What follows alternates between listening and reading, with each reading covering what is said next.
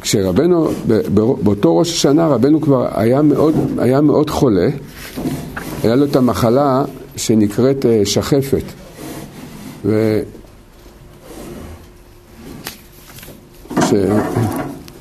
רבנו היה בחולשה מאוד מאוד גדולה מה... רבנו היה בחולשה מאוד גדולה בראש השנה הזה, והיה היה כל כך חלש, שאפילו לעבור ממצב שכיבה למצב ישיבה במיטה הוא לא יכל. עזרו לו לשבת. והגיע ציבור יחסית של אז, ציבור גדול, וזה למעשה הראש השנה היחידי בחיי רבנו שזה היה באומן. כי לפני זה, רבנו הגיע חצי שנה לפני זה לאומן. ורבי נתן נכנס לרבנו ואמר, העולם, הציבור מחכים שהיה מנהג שרבנו יגיד דבר, אה, תורה בראש השנה, ביום הראשון של ראש השנה, אחר הצהריים. אז רבי נתן אמר את זה לרבנו, העולם מחכים לתורה שרבנו יגיד. אז רבנו אפילו לא ענה לו, עשה לו תנועה בידיים, אתה רואה את המצב, אתה רואה שזה מצב בלתי אפשרי. אז רבי נתן כותב, בימי מוארנת, כותב דבר, נקודה מעניינת, הוא אומר, כשרבנו אמר לי, עשה לי, עשה לי את התנועה בידיים, אתה רואה את המצב, הבנתי ממנו שהוא אומר שאני אפציר בו. למה? כי ברגע שמפצירים, בצדיק הזה גדול כמו רבנו, מפצירים לשמוע ממנו תורה, זה עצמו מעורר ניסים שזה יכול להתקיים. זאת אומרת, צריך, צריך את ההתערותא דלתתא. אז רבי נתן כותב שהוא הרגיש שרבנו מרמז לו, תפציר בי. רבנו אמר לו, זה בלתי אפשרי. אבל יש, זה, באמת בתורה שלפני זה, רבנו אומר שיש כזה דבר שנקרא רמזים שביעם החוכמה. לפעמים הצדיק אומר דבר, והוא מתכוון לדבר בדיוק הפוך מזה. וזה צריך סייעתא דשמיא להבין באמת הכוונה האמיתית שלו. אז רבי נתן הבין, ככה רבי נתן כותב, שהוא הבין שרבנו אומר תפציר בי, ואז רבי, רבי נתן אמר לרבנו, הקדוש ברוך הוא כבר עשה לנו הרבה ניסים. אז כשרבנו שמע את זה, אז הוא אמר, אם כך, הוא אמר להם, תושיבו אותי על כיסא, ממש הרימו אותו מהמיטה, הושיבו אותו על כיסא, ולקחו את הכיסא ושמו את זה בפתח של בית המדרש, איפה שכל הציבור ישב. ולמה בפתח שהם מיד יוכלו לקחת אותו, אם בכלל חלילה יקרה משהו יוכלו לקחת אותו. ואז רבנו בחולשה מאוד גדולה התחיל להגיד את התורה הזאת, זו התורה שבעזרת השם נתחיל היום. ואחר כך הוא כבר לא אמר יותר דברי תורה, זה, לכן זה נקרא התורה האחרונה שרבנו אמר. זה מודפס תורה ח' חלק שני בליקוטי מוהר"ן, וכשרבנו התחיל להגיד את התורה, הוא היה מאוד מאוד חלש, אז הוא בקושי דיבר, וגם הוא דיבר בקול חלש מאוד, אבל ממש התקיים כמו שרבי נתן אמר. הקדוש ברוך הוא כבר עשה לנו הרבה ניסים. תוך כדי האמירה של התורה, אז רבנו התחדש אצלו כוחות חדשים, והוא אמר, אה, הוא התחזק, והוא אמר את התורה הזאת שלוש וחצי שעות. זה אחת התורות הארוכות והעמוקות ביותר בליקוטי מוהר"ן. למעשה, אנחנו אמרנו פעם בדרך קצת, קצת בחיוב, בבדיחותא קצת, זה תורה של ניסים.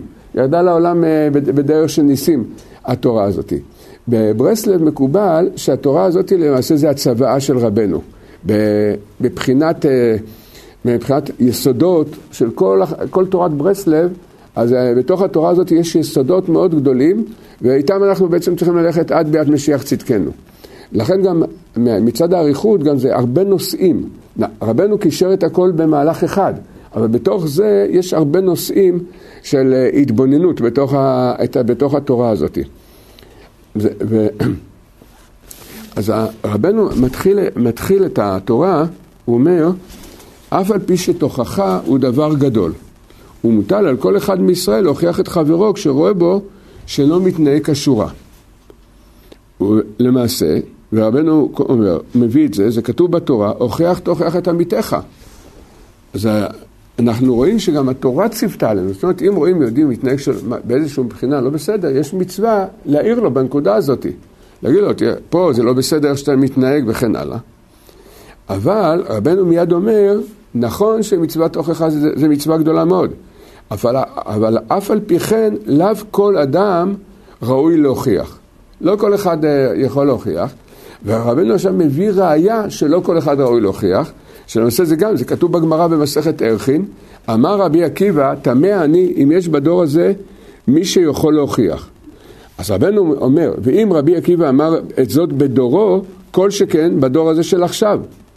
אז אם רבנו אומר שבדור שלא כל שכן, הדור של תלמידי הבעל שם טוב, אז אנחנו יכולים להוסיף עוד כמה קל וחומר, שספק אם יש מישהו שיכול להוכיח בדור שלנו. אבל לכאורה, למה, למה לא? למה, למה, זאת אומרת, למה צריך להיות ראוי? או מה, מה הנקודה של הראוי? אז רבנו אומר, כי כשהמוכיח אינו ראוי להוכיח, אז לא די, אזי לא די שאינו מועיל בתוכחתו, אף גם הוא מביש ריח של הנשמות השומעים תוכחתו. כי על ידי תוכחתו הוא מעורר, מעורר הריח הרע של המעשים הרעים ומידות רעות של האנשים שהוא מוכיחם. כמו שמונח איזה דבר שיש לו ריח שאינו טוב. כל זמן שאין מזיזים אותו הדבר, אין מרגישים הריח הרע.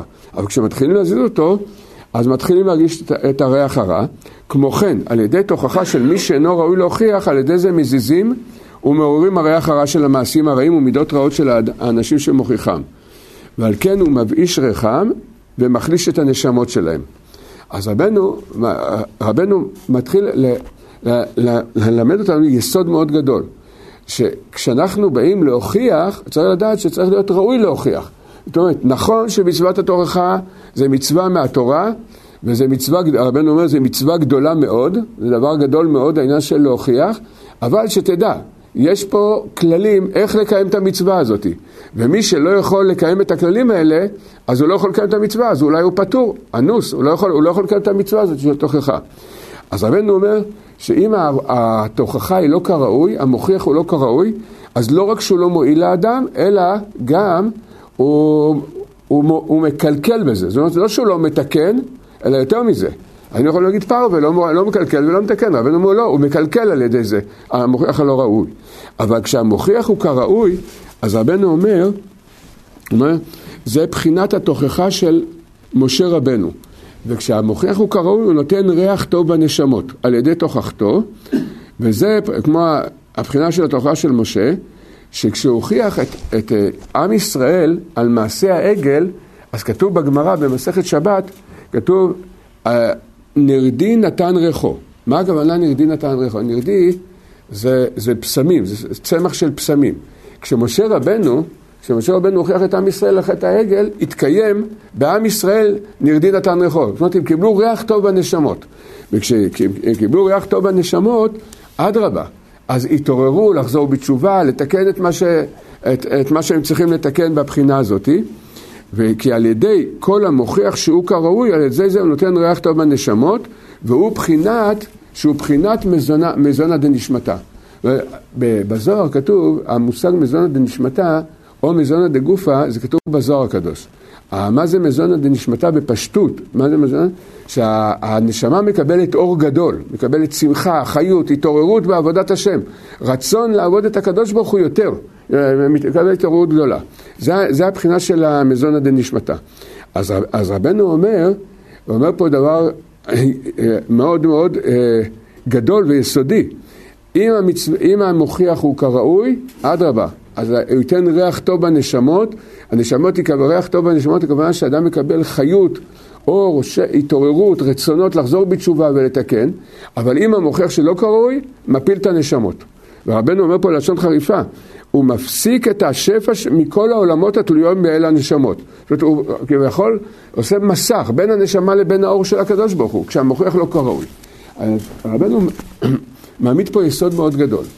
השאלה היא ככה, יש למעשה שתי שאלות. דבר ראשון, מה זה, כלומר, איך זוכים, או מה זה הבחינה של המוכיח כראוי או המוכיח שלא כראוי, זה דבר אחד. דבר נוסף, על פי הדברים של רבנו, אנחנו היינו אומרים שבפשטות אנחנו לא פטורים ממצוות תוכחה, אנחנו אסורים במצוות תוכחה. זה עוד, עוד לפני שניכנס לעומק הדבר, פשוט היינו אומרים, אנחנו לא, לא רוצים להתעסק בכלל במצוות תוכחה. אם זה, זה כזה סכנה גדולה, אם אדם מוכיח לא כראוי, זו סכנה כל כך גדולה, אז עדיף לא להתעסק בזה. העניין הוא שבאמת, גם אם אנחנו היינו רוצים שלא לעסוק בזה במצוות התוכחה, בהכרח אנחנו נתקלים במשך החיים שלנו במצוות התוכחה. זה, זאת אומרת, אנחנו נתקלים בזה, ב, זאת אומרת, אנחנו מגיעים למקום שאנחנו כן חייבים לקיים את מצוות, את מצוות, מצוות התוכחה, לכן מאוד חשוב לראות מה אנחנו יכולים לעשות שזה יהיה כל הראוי המוכיח, המוכיח כראוי, ולא, ולא ההפך. מתי אנחנו צריכים להוכיח? הדוגמה אולי הכי, הכי בולטת זה, יש לנו מצווה לחנך את הילדים שלנו. חייבים לפעמים לחנך את הילדים. זה גם תוכחה. גם, גם כל מה שרבנו אומר פה לגבי כל המוכיח כראוי, זה גם הולך כמובן בין, בין ההורים לילדים. ואנחנו לא מעירים לילדים שלנו, אם לא נעיר להם, נגיד, רגע, אני ודאי לא מוכיח כראוי, אדם יגיד, אני ודאי לא מוכיח כראוי, אני לא מוכיח את הילדים שלי, שיעשו מה שהם רוצים. זה ודאי שזה לא נכון, ודאי שזה לא אמת, אי אפשר אה, להשליך את זה בצור, באופן כזה. אבל באמת, זה לא רק עם הילדים. הרבה פעמים זה, זה ממש מצוי בין בעל ואישה, שהם מוכיחים אחד את השני. אולי פה באמת היינו צריכים כמה שיותר להימנע, אבל זה... אבל בכל אופן, רואים שזה בלתי אפשרי להימנע. ובאמת, גם משמיים, לפעמים כן צריך לעשות את זה, לא צריך לדעת איך לעשות את זה, אבל, אבל זה קיים.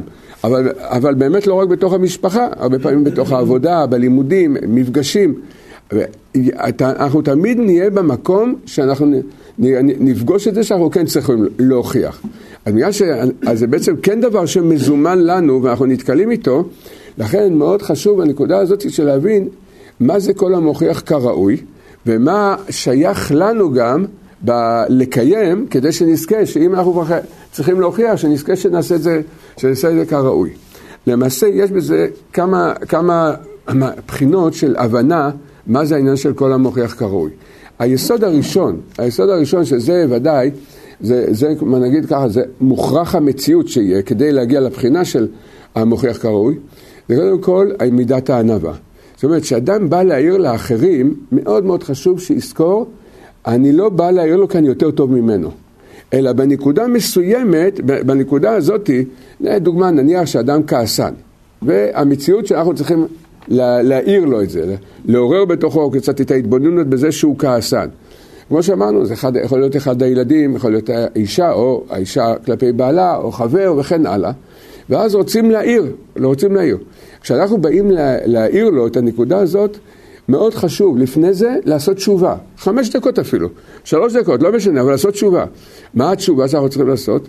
אני לא הולך להעיר לו כי אני, ברוך השם, מבחינת מלאך, צדיק האמת, אה, סגן אה, צדיק הדור, או אה, בחבורה קדישא של רבי שמעון בר יוחאי, בהידרה, ישבתי במערה, עכשיו אני בא, אני יוצא לעולם לתקן את העולם, אז אני מעיר לו. זה, ברגע שאדם מרגיש ככה, כשהוא בא להוכיח את השני, זה ודאי שהוא בבחינת המוכיח שלו כראוי. כי זה מסוכן מאוד להרגיש איזשהו מעלה או גאווה על מי שהולכים עכשיו להוכיח אותו. ו... עכשיו, למה באמת לא? אה, רגע, אני רואה, הוא כעסן. אני לא כועס, במ... הנה, בבחינות האלה, אני לא כועס. אני יודע. זה, אני מכיר איזה חבר טוב, אני מכיר אותו טוב, הוא מספר לי, אני יודע מה הולך אצלו, איך הוא מתנהג, גם בבית, גם בחוץ, אני יודע. רק מעירים לו הערה אחת קטנה, הוא יכול לפרק את, ה, את הסביבה. תלוי עכשיו בנסיבות. הוא יכול לפרק את הכל, לשים מטעני חבלה ו, וכולם, אה, ויהיה התפוצצות. אני יודע על עצמי שהרבה פעמים הייתי במצב הזה, ולא לא הגעתי לזה. אני לא, אני לא מגיב כמוהו במידה הזאת. אז למה זה לא נכון לה, לא, להרגיש שאני באמת יותר טוב ממנו? הנה, אני, אני אביא ראייה. יש לי ראייה. איזה, מישהו דיבר עליו לא יפה, הוא זה שהוא חוזר בתשובה, התקרב לברסלב, אז הוא לא הרביץ לו ולא ירה בו. אבל uh, עד, עד המכות הכל הוא עשה. כל הכעסים, כל ההקפדות, אה, זה, הוא uh, זרק עליו. אז אני לא מתנהג ככה. אז למה, אני, למה, למה לא להגיד שאני יותר טוב ממנו? אז שתי סיבות למה אנחנו לא יותר טובים מהשני. סיבה אחת, יכול להיות שבמידה הזאת אתה באמת מתנהג יותר טוב ממנו. אבל אל תשכח שיש עוד מידות, יש אה, לכל יהודי הקדוש ברוך הוא נתן גזרות. יכול להיות שאתה בגאווה זה פי, פי מיליון יותר בעל גאווה ממנו. או בקמצנות או באיזושהי תאווה. אתה לא, אתה לא צדיק גדול. זאת אומרת, שאדם יגיד לעצמו, אני לא צדיק גדול, אני פשוט, זה חבר טוב שלי, אני בא עכשיו להעיר לו את הנקודה הזאת. זה סיבה אחת שלא להתבלבל לחשוב שאנחנו יותר טובים ממנו, כי אנחנו לא יודעים איך אנחנו מתנהגים בדברים אחרים. ואדרבה, ברגע שרואים דבר כזה צריך להתעורר בתשובה. אבל גם אם לא על דבר הזה, על דברים אחרים. זה דבר אחד. דבר נוסף, כתוב בספר פרי הארץ, פרשת שופטים, זה אחד הפרשי, הפרשות החשובות בספר, אז הוא אומר שם, שתדע, גם במידה הזאת אתה לא יותר טוב ממנו. אפילו שאתה לא מתנהג כמוהו, והוא, כמו שאמרנו, דוגמה של כעס, הרבה יותר מגיב, הרבה יותר אה, תוקפני, הרבה יותר כעסן, זה לא בגלל שאתה יותר טוב ממנו במידה הזאת, זה בגלל שלא מעמידים אותך בניסיונות שלו. אין לך משמיים, אין לך את הניסיונות שלו בדבר הזה. לכן אתה, אתה לא מתנחל, אתה לא מתנהג כמוהו. אבל אם היו מעמידים אותך בניסיונות שלו, תדע לך, הוא, אתמול הרגיז אותו והוא הגיע, הוא לא הרביץ. הוא רצה להרביץ ובסוף לא הרביץ. יכול מאוד להיות שאם היו מעמידים אותנו בניסיונות שלו, אנחנו כבר היינו מדברים אחרי היריות. זה כבר זה היה, זו הייתה שיחה אחרי מטח יריות. היינו נזכרים שיש תורות בלקוטי יש עיקר התשובה, יש מה שלא ידעו וישתוק, בבחינה הזאת. אז שם הוא כותב פרי הארץ, הוא כותב שם יסוד מאוד גדול. הוא אומר, חפץ הקדוש ברוך הוא בהתגלותו גם במקום הקליפות. על כן מוריד נשמות לשם שהם יכולים לגלות את, את מלכותו ואת האמונה בו גם במקום הקליפות. מה שאין כן אתה. שהקדוש ברוך הוא לא נתן לך את התפקיד הזה, אז הוא לא הוריד אותך למה, אז לכן הוא לא הוריד אותך למקום הזה, לא בגלל שאתה יותר טוב ממנו, בגלל שהקדוש ברוך הוא לא, לא הוריד אותך למקום הזה, לניסיונות האלה. ואז הוא אומר דבר, משפט חריף מאוד, הוא אומר, ודע שאם הקדוש ברוך היה מעביר את הניסיונות האלה צדיק גמור, היה עושה פי מאה עבירות ממנו, מזה שהוא, את, את מי שהוא הוריד. אלא זה, זה סוד, יש בירור. זה, סוד בירור הנשמות הוא מאוד מאוד אה, זה. אף אחד, אנחנו לא מבינים באמת מה המסלולים ומה הדרכים שכל אחד אה, צריך לעבור. זה השגה אלוקית לגמרי. השגה של לדעת מה שורש הנשמה, מה כל הגלגולים, מה כל הניסיונות של, של אדם, זה רק בחינת צדיק משה רבנו, כמו רבנו, רק הם יודעים את הדברים האלה. אנחנו, אנחנו לא מבינים בדברים האלה. אנחנו בקושי, אנחנו בקושי זוכרים מה שהיה אתמול. אנחנו יודעים מה היה הגיל, השורש שלנו, השורש הנשמה שלנו. אנחנו לא, לא, לא מבינים בזה שום דבר בנקודה הזאת. לכן, לכן אומר פרי הארץ, צריך ללכת מאוד מאוד בעין טובה.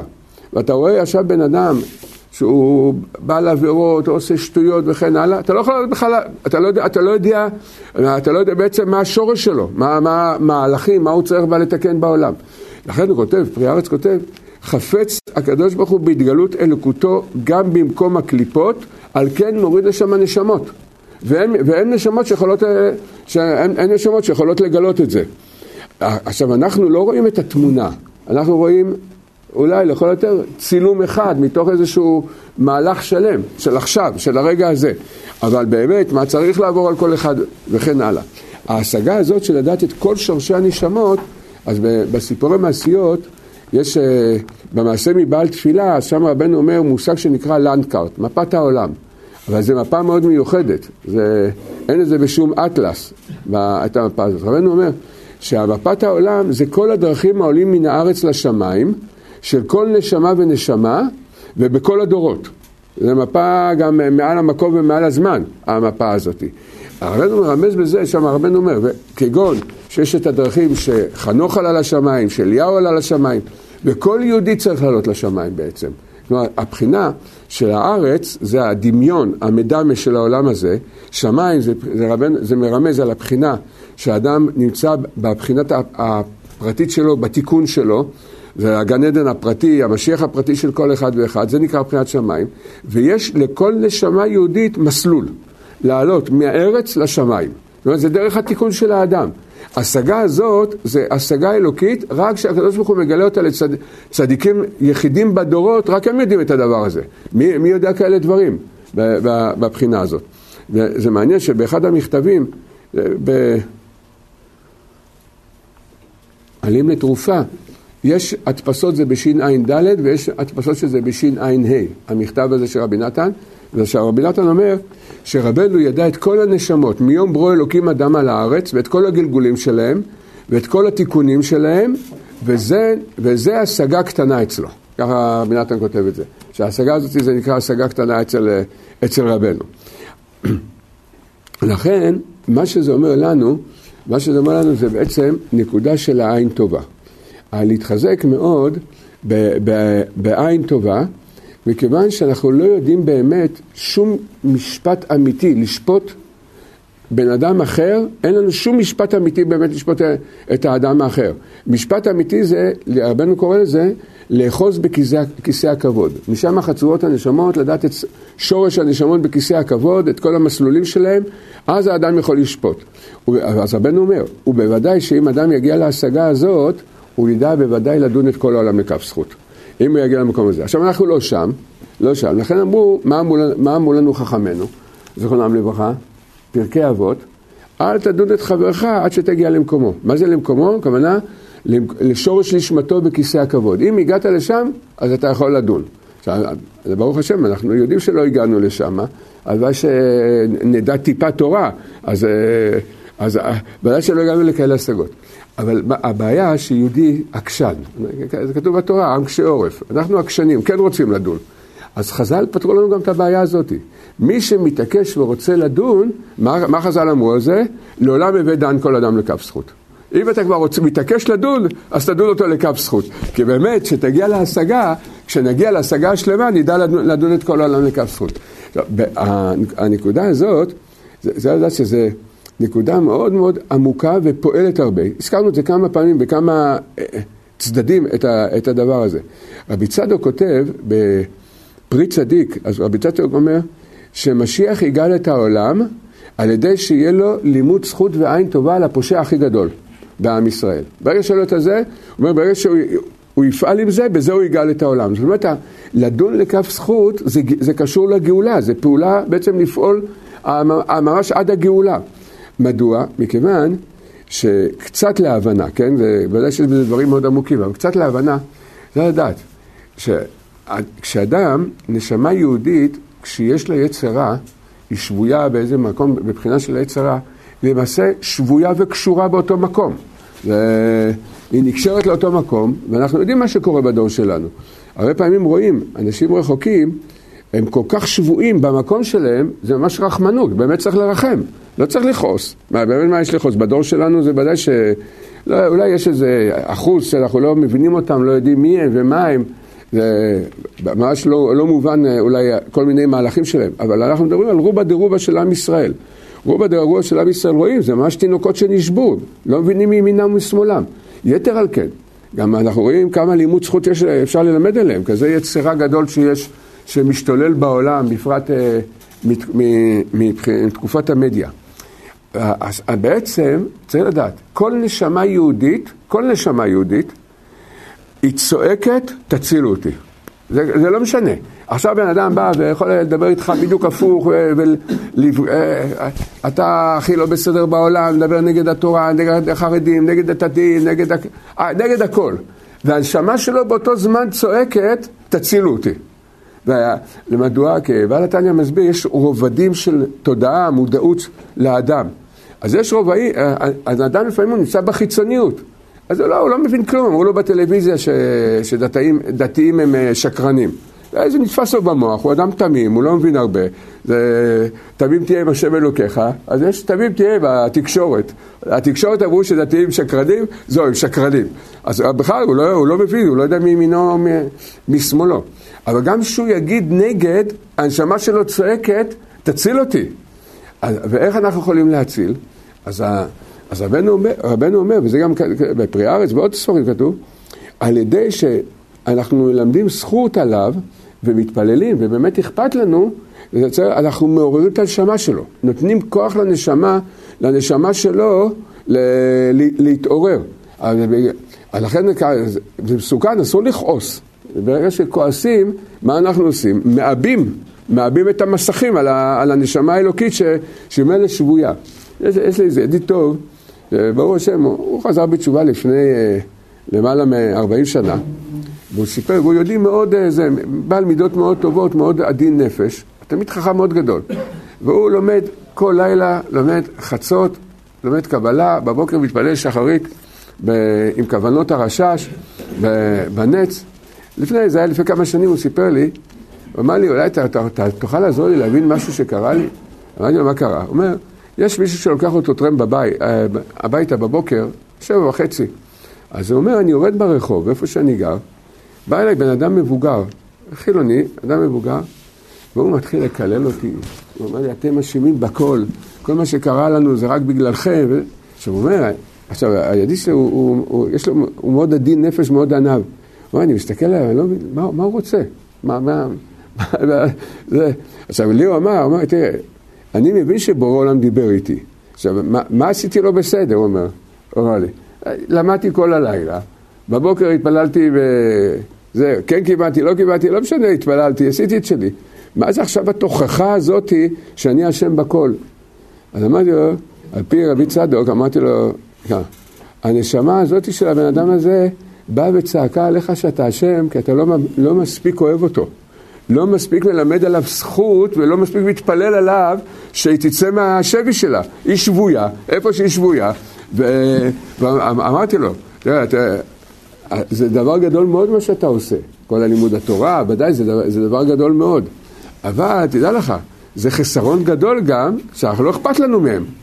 אתה, אומר, אתה אומר לעצמך, ברוך השם, אני לומד כל לילה עץ חיים, שאר הכוונות, מתפלל בכוונות של הרשש, אז מה אכפת לך ממנו? זה סתם חילוני, מה, מה אכפת לך? אדרבה, אני יודע שהוא עשה עבירות, אז שישרפו אותו. על, על זה הצעקה. על זה הצעקה של הנשמות, זה בעצם אתה, אתה בכלל לא אכפת לך, אכפת לך מהגן עדן שלך, אבל לא אכפת לך ממני. אז, אמר, אז אמרתי לו, אז תדע לך, זה תוכחה, באמת תוכחה אמיתית גדולה. אמרתי לו, אז אל תיקח את זה אישי, זה גם כל, כלפי כל אחד מאיתנו. אז העין טובה והלימוד זכות, זה מעורר את הנשמות. זה, זה מעורר את הנשמות. לכן, לא, לא לחינם, רבנו אמר, תורה רפ"ב, ורבנו אמר שזו התורה, התורה היחידה שעליה רבנו אמר, צריך ללכת איתה עד ביאת משיח צדקנו. עם הנקודה של הלימוד זכות וה, והעין טובה. גם, גם בתוך, בתוך, בתוך פרטי המצווה הזאת, בתוך פרטי המצווה הזאת גם, לפעמים בן אדם בא ומספר לנו מה עובר עליו, סיפור. עכשיו, יש פה כמה בחינות. הרבה פעמים אנחנו מרגישים שאנחנו לא יכולים לעזור לו. חבל על המילים, אנחנו לא יכולים לעזור לך. ולפעמים גם אתה רואה שבא, איזה שטותניק הבן אדם הזה, מה, מה הוא רוצה בכלל? איזה, אתה כאילו, סתם הוא מבולבל עם עצמו, מה עכשיו אתה בא, אתה מבולבל עם עצמך, אתה בא גם לבלבל אותי. אתה צריך לדעת שבמצוות ואהבת לרעך כמוך, יש מעלה מאוד מאוד גדולה להקשיב לשני, גם אם אתה לא יכול לעזור לו. גם אם אתה לא יכול לעזור לו, אתה, עצם ההקשבה, עצם, זה עצמו, זה, זה דבר גדול מאוד. יש מעשה, שזה, אפילו, אני ראיתי את זה כמה פעמים, זה כתוב בתוספות במסכת בבא בתרא, בדף י', דף י' אה, עמוד ב', שם זה כתוב. אני, אה, התוספות כותבים את השמות, אני אפילו מצד אי נעימות, אפילו אני לא אגיד את השמות, מרוב הגדולה שלהם. שם התוספות מביאים בשם רבנו חננאל, ורבנו חננאל אומר, קיבלנו את זה פה מפה מהגאונים ומהחכמים. כתוב בגמרא, יש שם, מובא המעשה, לא שמה, המעשה עצמו לא כתוב שם, זה כתוב במקום אחר, שפעם באה אישה לפני אחד החכמים ובאה אליו בטענות, לא אליו בטענות, באה בטענות על איזה דין תורה שהיה לה. אז הוא היה ראש הישיבה, אבל לא, באותו זמן הוא לא היה דיין שם. אז הוא אמר לה, מה, מה את צועקת? אני לא יכול לעזור לך, אני, אני לא דיין. זה, זה. הוא, הוא כזה דחה אותה. אז התלמיד שלו שאל אותו, התלמיד שלו אמר לו, אבל uh, האישה צועקת. אז אמר לה, בסדר, אבל אני לא יכול לעזור לה. ו... ודחה אותה. אז התוספות שם מביא, בשם רבנו חננאל, אומר, כמו שאמרנו, ככה הלשון שלנו, קיבלנו מפה לפה, שעכשיו בשמיים התלמיד הוא הרב והרב הוא התלמיד בגלל המקרה הזה. ועכשיו הרב יושב כתלמיד לפני תלמידו, שהוא הפך להיות רבו בגלל, בגלל שהוא לא השגיח בה. לא השגיח בה. אז בעלי המוסר שואלים, שואלים שאלה על זה. וכי אה, הוא באמת לא יכל לעזור לה, לא היה אז אה, דיין. כן, לא יכולת לעזור לה, נכון, אבל היית יכול להקשיב לה. אה, מכאן אה, רואים את ה, עד כמה הנקודה הזאת של להתחשב בזולת כל כך, כל כך גדולה הנקודה הזאת. כשאדם מקשיב לשני זה מבחינת מקיים, זה פרט, זה יסוד ואהבת לרעך כמוך. כי עצם העובדה שבן אדם מדבר זה כבר איזה מסיח הרבה ממנו. זה בחינה אחת בכל המוכיח כראוי. ככל שאדם יודע, הלא יותר טוב מאף אחד, וגם אם לא מעמידים אותי בניסיונות האלה, זה משמיים, פשוט רחמו עליי, יודעים שאני לא יכול לעמוד בניסיונות האלה. הרב אמר, כזה דיבור, הוא אמר, אני לא אגיד גם פה, מצד כבודם, על קהילה מאוד צדיקים, מאוד, מאוד צדיקים בירושלים, קהילה מסוימת בירושלים, והם באמת צדיקים אמיתיים. הם, הם, הם צדיקים אמיתיים, אז הרב אמר ככה, הרב אמר, אתם, אתם יודעים למה הקהילה הזאת לא נולדה בתל אביב? אומר, הם לא יכולים, הם, הם, הם לא נשמות שיכולות בכלל לעבור את הבירורים של תל אביב, היו חייבים להוליד אותם פה ב, באזור מאה שערים, בקדושה מאוד גדולה, כי אם הם היו עוברים את הניסיונות של תל אביב, הם לא היו מחזיקים מעמד. זה דיבור ששמענו מהרב. אז הנקודה הזאת, זה היסוד הראשון בכל המוכיח כראוי. אבל יש פה עוד יסוד, עוד יסוד שעוד יותר עמוק ופנימי בנקודה שרבנו אומר כל המוכיח כראוי. יש סיפור ידוע של רבנו, שרבנו אמר מעשה מבן מלך שיום אחד קם בבוקר עם השגה חדשה, הוא תרנגול הודו, אינדיק, הוא, הוא עשה תרנגול הודו. כולם הסבירו לו, אמרו לו, אתה בן מלך, אתה לא תרנגול הודו. הוא אמר, אין לכם השגה בי, אתם לא משיגים בי. הוריד את הבגדים, ישב מתחת לשולחן וביקש זרעונים לאכול. כולם באו, ניסו להגיד לו, אתה נסיך, אתה צריך לקבל את המלוכה. מה, אתה לא... והוא לא, אמר להם, אתם, אתם לא מבינים אותי, פשוט... עד שבא חכם אחד ואמר למלך, תשאירו אותי איתו לבד. כשנשארו לבד, מה עשה החכם? הוריד את הבגדים גם כן, ישב מתחת לשולחן, והבן מלך אמר לו, מי אתה? הוא אמר לו, אני תרנגול הודו. אה, סוף כל סוף, כולם מדברים איתי שהם בני אדם, ואני תרנגול הודו, אין לי תקשורת, אין לי פה חברים. של סוף כל סוף יש לי מישהו שאני יכול לזה, לדבר איתו, והתיידדו, שתי תרנגולי הודו, התיידדו. אחרי כמה זמן, החכם אמר, אה, רמז שהביאו לו חולצה. לבש את החולצה. שאל אותו הבן מלך, מה זה? אז אמר, איפה כתוב שתרנגול הודו לא לובש חולצה? מה זה חוק בתרנגולי הודו שלא לובש חולצה? אני תרנגול הודו, אני לובש חולצה. חשב על זה הבן מלך, אמר נכון, אני, אני, אני, אני יכול להיות תרנגול הודו שלובש חולצה. אחר כך, אחרי כמה זמן ביקש מכנסיים, אחר כך ביקש כיסא לשבת ולאכול השולחן, וכל פעם הוא אמר לו את הדבר הזה. מי אמר שתרנגול הודו לא יכול ללבוש מכנסיים, לשבת על השולחן, לאכול מאכלים של בני אדם, עד שריפא אותו, ככה רבנו אומר, עד שריפא אותו לגמרי. עכשיו, בוודאי שרבנו כל זה זה משל, הסיפור הזה, והמשל הזה הוא משל מאוד מאוד עמוק. אמרו לי הרבה אנשים שעוסקים בעזרה נפשית לאחרים, בכל, בכל מיני... אומרות, כולם מרגישים שיש המון יסודות, אולי אפילו כל היסודות של הטיפול בזולת בתוך הסיפור הזה. אז אה, ישבתי לפני כמה שנים, לפני ארבע, חמש שנים, ישבתי עם קבוצת מטפלים רגשיים, והם העלו את הנקודות. אמרתי להם, למה, למה אתם חושבים שבסיפור הזה יש בעצם יסודות של טיפול אה, רגשי? אז למעשה התשובה הכללית, כל אחד אמר את זה בהיבט שלו, אבל מה שהתשובה הכללית הייתה שהחכם ידע לדבר עם הבן מלך, מה שאנחנו קוראים בגובה העיניים. ידע, ידע לרדת למקום שלו ולדבר איתו. ועל ידי זה, בזכות זה שהוא ידע לדבר איתו בגובה העיניים, הוא ריפא אותו. ברגע שיודעים לדבר עם בן אדם בגובה העיניים, אפשר לרפות אותו. זה, אבל זה נכון, ודאי שזה נכון. אבל אמרתי, יש פה יסוד מאוד עמוק בדבר הזה של החכם שאמר שהוא תרנגול הודו. הוא לא שיקר. החכם שאמר שהוא תרנגול הודו, הוא לא אמר את זה אה, כדי להשתתף עם, ה, עם הבן מלך. החכם אמר את זה כי הוא ידע שגם הוא תרנגול הודו. ונסביר מה, מה כוונת הדברים. היסוד הזה כתוב במה שהזכרנו קודם, בפרי הארץ פרשת שופטים. שם כותב פרי הארץ שכל צדיק, ובפרט הצדיקים הגדולים ביותר, וגם, וגם זה כולל את משה רבנו ו, ו, וכל הצדיקים שהיו במשך הדורות, לפני שהצדיק מקבל את המדרגה והבחינה של הצדיק, הוא חייב לעבור במחשבתו את כל המיני יצרה שיש בדור. זה חייב, לה, לה, זה חייב לעבור בדרכו. ופרי הארץ כותב, בלשון שלו בפרשת שופטים, ועל כל צדיק וצדיק עוברים לאלפים ורבבות המחשבות של כל מה שקורה ברחוב. במידות ובתאוות וכיוצא בזה, כל מה שקורה ברחוב. הכל עובר במחשבתו של הצדיק.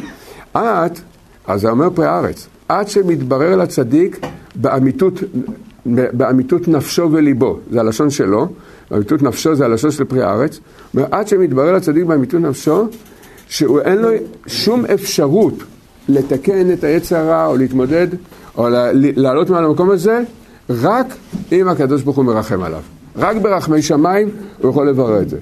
וכשהקדוש ברוך הוא מרחם עליו, ובאמת מוציא אותו מכל, ה, מכל הבחינה הזאת, ונותן לו שפע ומדרגות ברוחניות, הוא יודע באמיתות ליבו, אני משתדל להגיד את הלשון של פרי הארץ, הוא יודע באמיתות ליבו, שאין לו שום מעלה על שום יהודי. ואם היה רוצה הקדוש ברוך הוא, היה נותן לחברו כיוצא בו. הוא אומר, זה שעכשיו הולך ברחוב, מסתובב שם, ממש איפה שהוא נמצא, הקדוש ברוך הוא יכל להחליט, הוא אומר, אני רואה, מצד, מצ, מצידי, אני רואה שאין הבדל ביני ובינו, אלא יש הבדל בין שהקדוש ברוך הוא נתן לי ולא נתן לו, ואם היה רוצה, היה נותן לו ואני הייתי ברחוב. אין, אין, אין שום הבדל בינינו בזה. ואז אומר, אומר פרי הארץ, ואז הוא מתקשר באהבה שלמה לכל נשמות ישראל ואפילו לרשע, לפושע שבפושעים, לגרוע שבגרועים. הוא מתקשר באהבה מצד ידיעתו שאין לו שום מעלה מצד עצמו על השני. הוא, הוא לא מצד עצמו טוב. הקדוש ברוך הוא עכשיו, ברור השם, לקח לו את כל הניסיונות האלה והעלה אותו לאן שהעלה אותו. הוא מצד עצמו לא יותר טוב מאף, מאף יהודי. ובאהבה זאת מתקשר עם כל נשמות ישראל, וכשהוא עולה, הוא מעלה את כל הנשמות איתם. ככה אומר פרי הארץ. פה יש, יסוד, יש יסודות עצומים בדבר הזה. אנחנו חושבים, אנחנו בדרך כלל לומדים להכיר את הצדיקים הגדולים, או בסיפורים, מי שזוכה לפגוש בחיים, אבל בדרך כלל אולי זה ברוב המקרה בסיפורים, אחרי שהם כבר היו צדיקים גדולים, אחרי שהם עברו כבר את כל המסלול. אז אנחנו יודעים את הקדושה, את הרוחניות שלהם, זה אמת, אבל אנחנו לא יודעים מה קדם לזה. וכל הצדיקים האמיתיים היו חייבים לעבור את כל המסלולים האלה. את כל המסלולים. למה? כי אם הוא לא יעבור את כל המסלולים האלה, לא יתברר לו בשלמות הלב שלו שאין לו שום מעלה על אף יהודי. והקדוש ברוך הוא, זה, זה כבר, אז אדם, בלי הבירור הזה, יכול להיות הצדיק הכי גדול בעולם, בד בבד עם היותו גם בעל הגאווה הכי גדול בעולם, בבחינה הזאת, כי זה הולך, זה הולך ביחד. לכן הקדוש ברוך הוא מראה, לה, מראה לצדיקים, אומר להם, זה הולך על וזה, פרי הארץ אומר, זה הולך על האבות, זה הולך על יוסף הצדיק, זה הולך על משה רבנו, זה הולך על כל הצדיקים של כל הדורות, הדבר הזה, ובזה מתקשרים הצדיקים באהבה עם כל נשמות ישראל. קצת, עוד יותר לה, לה, להבין קצת את הנקודה הזאת, מהבחינה הזאת, ידוע מה שרבי נתן אמר על רבנו, שהוא היה מהנשמות שברחו מחטא הדם הראשון. זאת אומרת, הוא לא השתתף בחטא הדם הראשון. לכאורה, הנשמות האלה שבאות לעולם, יש, רבנו ארי כותב שיש כמה נשמות שלא היו בחטא, בוודאי שהן באות לעולם, הן uh, הרבה במעלה רוחנית הרבה יותר גדולה, ויכולים להיות צדיקים הרבה יותר גדולים מאיתנו. אבל צריך לדעת כלל, כדי שכשנשמה באה לעולם, יש לה מסלול ודרך, היא לא באה מיד. זה לא שאדם לא, הנשמה לא נבראת ברגע שאדם נולד, או בזמן ההיריון. הנשמה נבראה בבריאת העולם, ולפי הרבה ספרים אפילו בכלל לפני בריאת העולם אה, נבראו הנשמות. הנשמות, לפני שהן באות לעולם, יש מקום שהן נמצאות. זה גן עדן תחתון, מחצב הנשמות, יש כמה לשונות, אבל הנשמות נמצאות באיזשהו מקום. אנחנו לא, זה גם דרך אגב, אנחנו לא באים מיד. זה לא, זה לא קפיצה, אין פה קפיצת דרך. הנשמה שהיא באה לעולם, היא יורדת שלבים, לאט לאט. הנשמה יורדת שלב אחרי שלב לעולם. ולפעמים באמת יש הפרעות, זה, יש תקלות, צריך לעשות אה, חישוב מסלול מחדש, מחזירים את הנשמה בחזרה. כמו שכתוב, רבנו ארי כותב את זה בספר ליקוטי תורה, פרשת ויחי. אז הוא כותב שכל המעשה שהיה עם ראובן, שבלבל יצואי אביו, אז, אז רבנו ארי כותב שמה שהיו כבר שתי נשמות בדרך, היו צריכים באותו לילה להתעבר בזה. בילה הייתה צריכה להתעבר משתי נשמות. וראובן מנע את, ה... את קיום המצווה, לכן הנשמות לא יכלו לרדת לעולם. חזרו לדנים, לאן הם הלכו? כי הם היו כבר בדרך. כתוב שהם כבר היו בדרך. אז באמת שואלים את השאלה, לאן הם הלכו? בפשטות הם חזרו לגן עדן תחתון לחכות שיהיה עת רצון. מי זה הנשמות האלה? כן, זה בשבוע הבא, בפרשת ויחי, אז אה, יעקב אמר ליוסף, מנשה ואפרים, כראובן ושמעון, לי הם. מה זה לי הם? זה שמות שלי, זה לא נשמות שלך. קיבלת את זה בהשאלה, במתנה קיבלת את זה. וזה זה עשה, זה, זה עשה שינוי מאוד גדול, כי אם הם היו נולדים אצל יעקב אבינו, כל העולמות היו הרבה יותר מתוקנים. אז היו י"ד שבטים של בנים של יעקב, היה בזה תיקון מאוד גדול. זה דוגמה לדבר הזה. זה דבר מעניין גם, שהיינו, הדבר הזה, זה, זה סוגיה, בספר עץ חיים, יש שם איזו סוגיה שאישה, כדי שהיא תוכל להוליד, היא חייבת להיות בליל, בליל החופה פעם אחת עם בעלה, ורק אחר כך היא יכולה להוליד. קודם לכן היא לא יכולה להוליד, אין לה כוח הולדה. בפעם הראשונה היא מקבלת את כוח ההולדה. ככה רבנו ארי מסביר את זה. אבל, אז פה מתעוררת השאלה, מתעוררת ראינו, מצ... מצאנו מקרים שנשים כן התעברו בהיריון גם בזה, בליל החופה שלהם. ואז לכאורה איך זה יכול להיות? הדבר הזה, זה סוגיה ידועה ב, ב, בספר עץ חיים. יש כמה תשובות, יש כמה תשובות שמן הסתם כל אחת אמיתית, זה כמה אפשרויות. אחת האפשרויות זה, כותב את זה רבי אליהו מאני, הוא היה רבו של הבן איש חי בקבלה, היה בארץ. הבן איש חי שולח אליו שאלות בקבלה לרבי אליהו מאני. יש לו ספר שנקרא מזכיר שלום, שם הוא כותב דבר פלאי. הוא אומר, האיש והאישה, לפני שהם באו לעולם, היה חופה בעולם הבריאה. היה, היה, כבר החתונה התחילה. הקשר ביניהם שכבר התחיל בעולם הבריאה, אז הוא נטל לה את בחינת כוח ההולדה, ולכן יכולה להוליד כבר בפעם, בפעם הראשונה. ככה רבי ליאמן כותב. אז כל, כל הבחינה הזאת של הנשמות, זה, הנשמה עד שהיא באה לעולם היא עוברת מסלול מסוים. זה, זה הרבה ירידות, הרבה בחינות. אחד הדברים שהנשמה חייבת שיתקיים כדי שהיא תוכל להיות בעולם הזה, היא מקבלת נפש בהמית וגוף. בלי נפש בהמית וגוף, היא לא, יכולה, היא לא יכולה להיות בן אדם בעולם. למה אנחנו מדגישים בן אדם? כן, מלאך יכול להיות בעולם. אה, יש מלאכים בעולם. אנחנו לא, אין לנו זכויות לראות אותם, אבל בעולם יש מלאכים. זה, כל, כל, כל העניין של גילוי אליהו הוא מלאך. אז כמלאך הוא לא צריך לקבל נפש בהמית וגוף. אבל כאדם הוא כן צריך לקבל בחינות מסוימות, יש לו מלבוש שהוא מתלבש, אה, כתוב בזוהר הקדוש, שבין שמיים לארץ יש שם מלבוש שכל פעם שאליהו הנביא יורד אז הוא מתלבש בזה והוא בא, ואז הוא יכול להתגלות בדרך המלבוש הזה. אבל, אבל אז אין לו ניסיונות של אדם, כדי שיהיה לנשמה ניסיונות של אדם, חייב שיתלבש בנפש בהמית וגוף. וממילא גם הצדיקים הכי גדולים חייבים להתלבש בנפש בהמית של גוף וגוף, כי זה מציאות העולם. זאת אומרת, זה, זה הדרך להיות בן אדם בעולם, בבחינה הזאת. עכשיו, נשמות יכולות לרדת לעולם הזה, אנחנו לא אומרים שלא, אבל אז אין להם את הבחינה של אה, ניסיון של בני אדם. אז הם אה, נשמות שהגיעו לעולם וכן הלאה. והיה, יש הרבה מקרים שצדיקים התגלו וכן הלאה. אז לכן, גם הצדיקים הכי גדולים, כדי להיות פה בעולם, חייבים להתלבש בנפש בהמית, בנפש בהמית וגוף.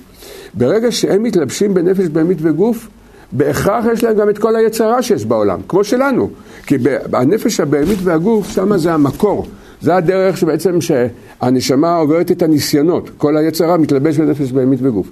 וממילא גם בהם יש יש את הבחינה הזאת, כי זה מציאות, זה מציאות העולם. ואומנם אנחנו יכולים להגיד שבדקות זה הרבה יותר דק אצלהם, זה הרבה יותר רוחני, יותר זך. הם יכולים לברר את זה, אצלם זה במחשבה, זה אמת. זה בדרך כלל זה ככה אצל צדיקים מאוד גדולים. זה אמר לי לפני הרבה שנים, האדמו"ר מפוריסוב, שצדיקים גדולים, היצר הרע עובר כמראה הבזק במחשבה. אבל בגלל שהן נשמות כאלה גדולות, מהמראה הבזק הזה, מה הן רואות? אם הקדוש ברוך הוא לא עוזר לי, או אם הוא לא שומר עליי, אז אני, יכול להיות, אני אהיה הרבה של בלעם. למה ציינו את בלעם? כי פרי הארץ אומר, שמשה רבנו עבר במחשבתו כל מה שבלעם עשה במעשה. הוא כותב את זה בצורה מפורשת. אז הבחינה הזאת, זה גודל, ה, מה זה נותן לצדיק? לצדיק זה נותן, דבר ראשון, ענווה מאוד גדולה. כי הוא יודע שהוא לא טוב יותר משום יהודי. משום, משום, מה שהיצר הרע, מה שהקדוש ברוך הוא עשה, שיהיה לו יצר רע יותר רוחני, יותר מחשבתי, ולא, ולא ליפול במעשה, בורא עולם עשה את זה. אם הוא היה רוצה, היה מחליט ביני ובין אה, בין המלבוש של השני. ואז זה נותן להם ענווה מאוד גדולה, והדבר השני שזה נותן להם, זה נותן להם אהבת ישראל מאוד גדולה. מדוע? כי ברגע ש... כי באמת כל הנשמות ישראל קשורות באהבה מאוד מאוד גדולה. יש, יש חיבור בין כל נשמות ישראל שהוא ש, שייך בכלל לבחינה נצחית, זה מאוד מאוד גבוה. כל הנשמות היו במחצב אחד, יש לשונות בספרים הקדושים. הרב מורגנשטיין מביא את זה באחד מ... אה, בפירוש על אוצרות חיים חדש יחסית שהוא הוציא, אז הוא כותב שמה שבאמת כל, כל נשמות ישראל זה בעצם אדם אחד, זה קומה אחת, זה בחינה אחת, והקשר מאוד מאוד, מאוד חזק בין כל נשמות ישראל. אבל בעולם הזה אנחנו רואים שזה לא ככה, אנחנו לא מרגישים את זה, לא מתקיים בנו כזאת, אה, לא מרגישים כזאת אהבת ישראל. אז כתוב בספרים, זה רק בגלל מידת הגאווה. ברגע שאדם, כמה שאדם זוכר לתקן את מידת הגאווה, ממילא מתגלה בו אהבה אינסופית לכל נשמות ישראל. זה הסוד שמשה רבנו אומר לקדוש ברוך הוא, ואם אין, מכן הנה מספרך. אם אתה לא סולח להם, אין טעם, משה רבנו מבחינתי אין, לי, אין טעם שיהיה כתוב בתורה וידבר השם אל משה לאמור. זאת אומרת, אהבת ישראל מתגברת אצלו בכזאת בחינה שהכל הוא מוכן למסור בשבילה. אין, אין שום אה, זה, אין, אין שום אה, צמצום על, על הנקודה הזאת. לכן, זה מה שפרי הארץ אומר, שמתברר לצדיק באמיתות ליבו ובאמיתות נפשו, שאין לו שום מעלה על אף יהודי, ממילא מה הוא, הוא מקבל? זה ענווה אמיתית, כי הוא מבין שאין לו שום מעלה. אפילו שהוא מוסר את התורה לעם ישראל, והקדוש ברוך הוא אמר לו, משה, תעלה להר סיני, תקבל את התורה. רבי שמעון בר יוחאי ידע שהוא מעביר את, ה, את סודות התורה לכל הדורות, וכן הלאה, בכל דור ודור, אבל הם יודעים כי לא מנפשם הוא, אלא הקדוש ברוך הוא בחר בהם, הוא עשה, הוא, הוא עשה את כל המציאות הזאת. ואז זה מידת הענווה, והפרי הארץ אומר, ובמידת הענווה, במידת הענווה, אדם אז מאיר בו אהבת ישראל אמיתית. זה, זה היסוד של ה... זאת אומרת, ההסתכלות הזאת, השפלות האמיתית, זה הענווה, זה אהבת ישראל, ובזה, כמו שאומר פרי הארץ, הוא יכול להעלות את כל הנשמות. זה סוד החכם. סוד החכם שהוא אמר לבן מלך, גם אני תרנגול הודו, הוא לא אמר לו את זה חיצונית כדי להשתתף איתו, הוא אמר לו את זה כי הוא. הוא אמר, תדע לך, מה זה, אתה יושב מתחת לשולחן, אתה אוכל זרעונים, מה זה מתחת לשולחן? מתחת לשולחן ערוך, אין, אין הלכות, אין מצוות, הוא ירד מתחת לזה. לאכול זרעונים זה שכל המאכל, כי המאכל זה בדעת, עץ הדעת, זה, הכל זה קשור לדעת. זרעונים זאת אומרת שהוא מחשיב את העולם הזה כת... אין, אין בריאה חוץ מהעולם הזה. זאת אומרת, להשיג ממון, בשביל זה נברא העולם. אם יש בורא לעולם, הוא אומר, אני מוכן לקבל שיש בורא לעולם. אני יכול להגיד לך גם למה הוא ברא את, את, את זה. זה. הוא ברא את מציאות הזמן, הוא ברא את מציאות הזמן, ומהי מציאות הזמן? הוא אומר, אני למה הייתי בארצות הברית, שמעתי, קיבלתי את זה. יש לי, יש לי שם הרבה רבנים בארצות הברית. time is money. כל המשמעות של הזמן של הבריאה זה רק להשיג כסף, להשיג תאוות, כבוד וכן, וכן הלאה. זה הזרעונים שהבן מלך, זה הנשמה היהודית, רוצה, אוכלת, ואומרת, כשהוא אמר, התעקש שהוא בן מלך, הוא אמר, אין, אין מציאות אחרת, כל החיות זה, זה, זה, במקום, זה במקום הזה. כשהחכם בא ואמר לו שהוא תרנגול הודו, החכם התכוון, שזה הצדיק האמת, אומר, אני מזהה בתוכי את כל הדמיונות שלו. זאת אומרת, באמת, אם הקדוש ברוך הוא היה, מבחינתו, הוא היה יכול להחליף. שאני אהיה זה שאני חושב שאני תרנגול הודו, והוא יהיה החכם שיבוא לעזור לי. זאת אומרת, אני באמת תרנגול הודו בתוכי. יש בתוכי באמת את כל היסודות של, התר, של התרנגול הודו. אז אומר רבנו דבר נפלא מאוד. כשאדם מגיע להשגה הזאת, הוא יכול לעזור לכולם. למה הוא יכול לעזור? כי הוא, הוא מדבר בגובה העיניים, כמו שאנחנו אומרים, לא בחיצוניות בגובה העיניים, כאילו אני משתדל להבין אותך, להשתתף איתך. אני מבין אותך כי יש לי בחינות בתוכי שאני בדיוק כמוך. אין הבדל, באמת אין הבדל ביני ובינך. רק עכשיו השם יהיה לי קצת יותר דעת בבחינה הזאת. אבל על, על כל פנים, הנקודה, זה הנקודה, זה מי שזוכה לנקודה הזאת, אז הקול שלו נהיה ממילא קול המוכיח כראוי. אז ממילא הוא כבר נהיה בבחינת קול המוכיח כראוי. זאת אומרת, שלהיות, שאדם יהיה לו את בחינת קול המוכיח כראוי, זה לא שעכשיו אדם מתאמן על אה, זה, יש בתי ספר למוזיקה, לזמרים, איך אה, זה, לפתח קולות יפים ונעימים וכן הלאה. זה פה לא עובדים על הכל, פה עובדים על הפנימיות. זה מה שרבנו מתכוון. כשאדם עובד על הפנימיות, שזה ענווה, וממילא מזה צומחת ומתגלית אהבת ישראל, ממילא הדיבורים שלו יתקבלו. וגם, הוא גם יבין, שהשני יגיד לו, תשמע, עובר עליי כך וכך, אני בניסיונות וכן הלאה, הוא אומר, אותו דבר גם אני, גם אני בניסיונות האלה. רק אצלך זה במעשה, אצלי זה בדקות המחשבה. פעם שאלתי את האדמו"ר מפוריסוב, אה, פרי הארץ אומר, לא שם, פרי הארץ אומר זה בפרשה אחרת, שעבר במחשבתו של משה רבנו כל מה שבלעם עשה במעשה. עכשיו צריך לדעת, אין היום עוד עוד אין מוח בדור שלנו, למרות שאני לא יודע את כל המוחות, ברוך השם, בכיוון הזה, אבל עד כמה, לא ידוע לי שיש מוח כמו של בלעם, בלעם בתאוות ובטומאה. זה, זה לא פשוט. כל, עם כל ההתקדמות של הדורות וזה, לא, לא ידוע לי שמישהו הגיע למדרגה של בלעם. רש"י כותב בפרשת בלק שהוא בא לאתון, אנחנו חושבים שזה הדבר הכי חמור שהוא עשה. זה התחלת המהלך של זה. זה שהוא בא לאתון זה רק התחלת המהלך של בלעם. הוא עשה דברים הרבה הרבה יותר קשים בטומאות אה, בלעם. אז שאלתי את האדמו"ר מפוריסוב, כל זה עבר במחשבה של משה רבנו. איך, איך אפשר להגיד כזה דבר בכלל? איך אפשר לכתוב כזה דבר? אז הוא אמר לי, זה עבר כמראה הבזק. זה עבר כמראה הבזק, אבל משה רבנו, מה הוא ראה מהמראה הבזק? הוא אמר, אם הקדוש ברוך הוא לא היה מעביר לי זה כמראה הבזק, אלא טיפ-טיפה יותר לאט, אני כבר הייתי בלוע שמה. הוא ידע שזה סייעתא דשמיא שזה עובר אצלו כמראה הבזק. מזה הוא קיבל, והאיש משה עניו יותר מכל האדם על פני האדמה. וזה, וזה למעשה היסוד. אז רבנו אומר, זה מה שרבנו אומר פה, שככל שאדם זוכה לדעת את זה יותר, כשהוא מדבר עם השני, אז רבנו אומר, אז קולו נהיה בבחינת נרדי נתן ריחו. צריך לדעת, אחד הדברים שנשמה יהודית לא יכולה לסבול, זה את מידת הגאווה. היא, היא דוחה את מידת, באופן טבעי היא דוחה את מידת הגאווה. משהו בנשמה שלנו לא יכול, לא יכול לסבול את, ה, את מידת... כי נשמה יהודית מרגישה שמידת הגאווה זה, זה עבודה זרה. למה? מה זה גאווה? זה זאת אומרת, מידת הגאווה שיש אצל האדם, זה אומר, הקדוש ברוך הוא תזוז. אתה, אתה, אתה יכול להיות בצד, אני פה. אל תדאג, אני יכול לפתור פה את כל, ה, את כל הבעיות. עכשיו, כל נשמה יהודית רוצה להרגיש שהתורה, העזרה, השפע, מגיע מהקדוש ברוך הוא. אני... נשמה יהודית יודעת באמיתותה, מה, מה אתה... אתה בדיוק כמוני, גם, כמה שאני צריכה עזרה, גם אתה צריך עזרה. עכשיו אתה בא אליי בתור אה, זה, הסגן של הקדוש ברוך הוא, או בכלל, אולי אתה כבר החלפת אותו בתפקיד, ו, וכן הלאה. אז זה, ואז, זה מה שרבנו אומר, וממילא האדם מקבל את כל המוכיח כראוי. בבחינה הזאת, זה ממילא נעש, נעשה הדבר הזה.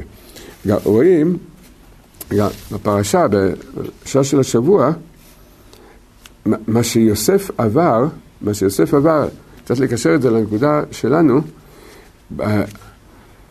שנה של הניסיונות הכי קשים בעולם, וכבר הזכרנו בעבר את המדרשים, שבעצם ביום האחרון יוסף לא עמד בניסיון. יוסף, מצד עצמו, הוא כבר היה נכשל בניסיון. הקדוש ברוך הוא שמר עליו, הקדוש ברוך הוא לא נתן לו ליפול בניסיון הזה.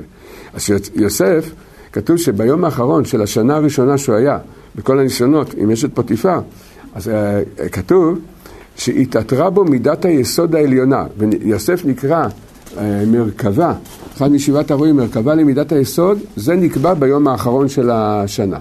לכאורה זו שאלה, ביום האחרון של השנה, כל השנה באמת הוא היה צדיק מאוד גדול, ביום האחרון הוא לא היה צדיק גדול, ביום האחרון, כי יוסף בא לעשות את העבירה ב- ביום האחרון.